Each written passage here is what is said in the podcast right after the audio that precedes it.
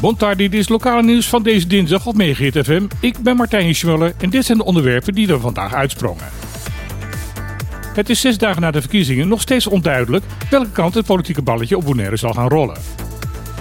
Wel is duidelijk dat de enige partij die echt zwaar verloren heeft in de verkiezing bij de huidige voorlopige zetelverdeling een sleutelpositie heeft ingenomen. De NPB kan namelijk bepalen welke combinatie de meerderheid in de eilandsraad gaat krijgen. PDB met NPB of UPB met NPB. Uit berichten van verschillende mediakanalen lijkt het erop dat UPB en NPB al volop aan het onderhandelen zijn over een voorzetting van de huidige bestuurscoalitie.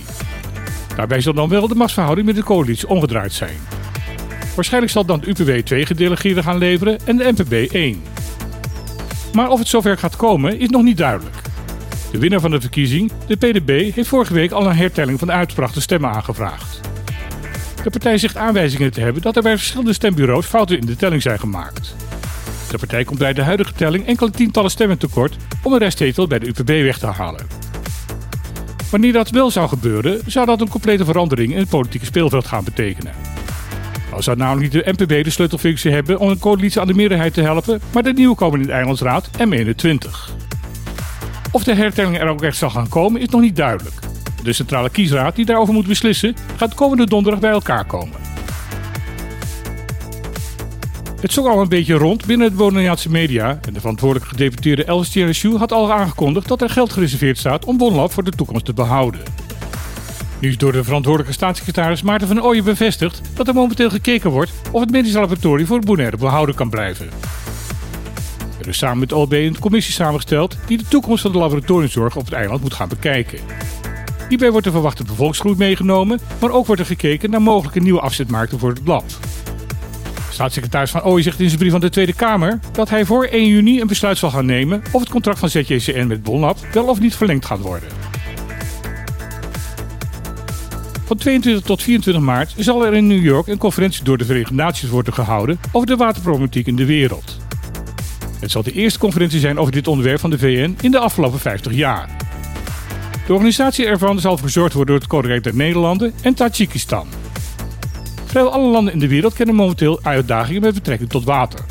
Waar het ene land kampt met overstromingen, is in een ander gebied een groot tekort aan goed en betrouwbaar drinkwater.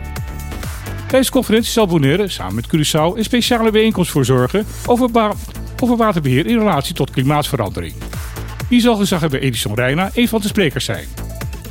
Reina stelt dat de kleine eilandstaten nauwelijks bijdragen aan de klimaatverandering, maar wel vaak in hevige mate de negatieve gevolgen ervan ervaren.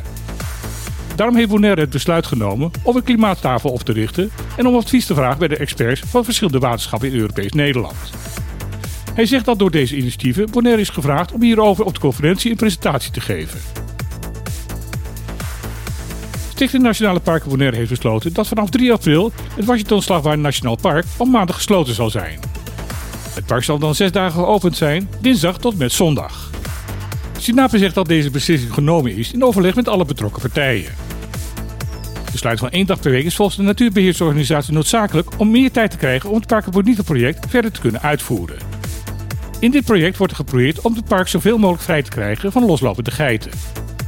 Deze bijna alles etende grazen zorgen ervoor dat de jonge aanplant en opschot van inheemse planten en bomen geen kans krijgt om tot wasdom te komen. Voor die tijd is het jonge groen al lang opgegeten. Het verwijderen van de geiten kan niet gebeuren wanneer er bezoekers in het park aanwezig zijn. Dit omdat er naast het vangen van de dieren ook geiten worden afgeschoten. Dit zou wanneer het park ondertussen geopend zou zijn levensgevaarlijke situaties kunnen opleveren. Dit was weer het lokale nieuws op Megahit FM. Ik wens iedereen nog een hele mooie dag. En dan heel graag weer. Tot morgen.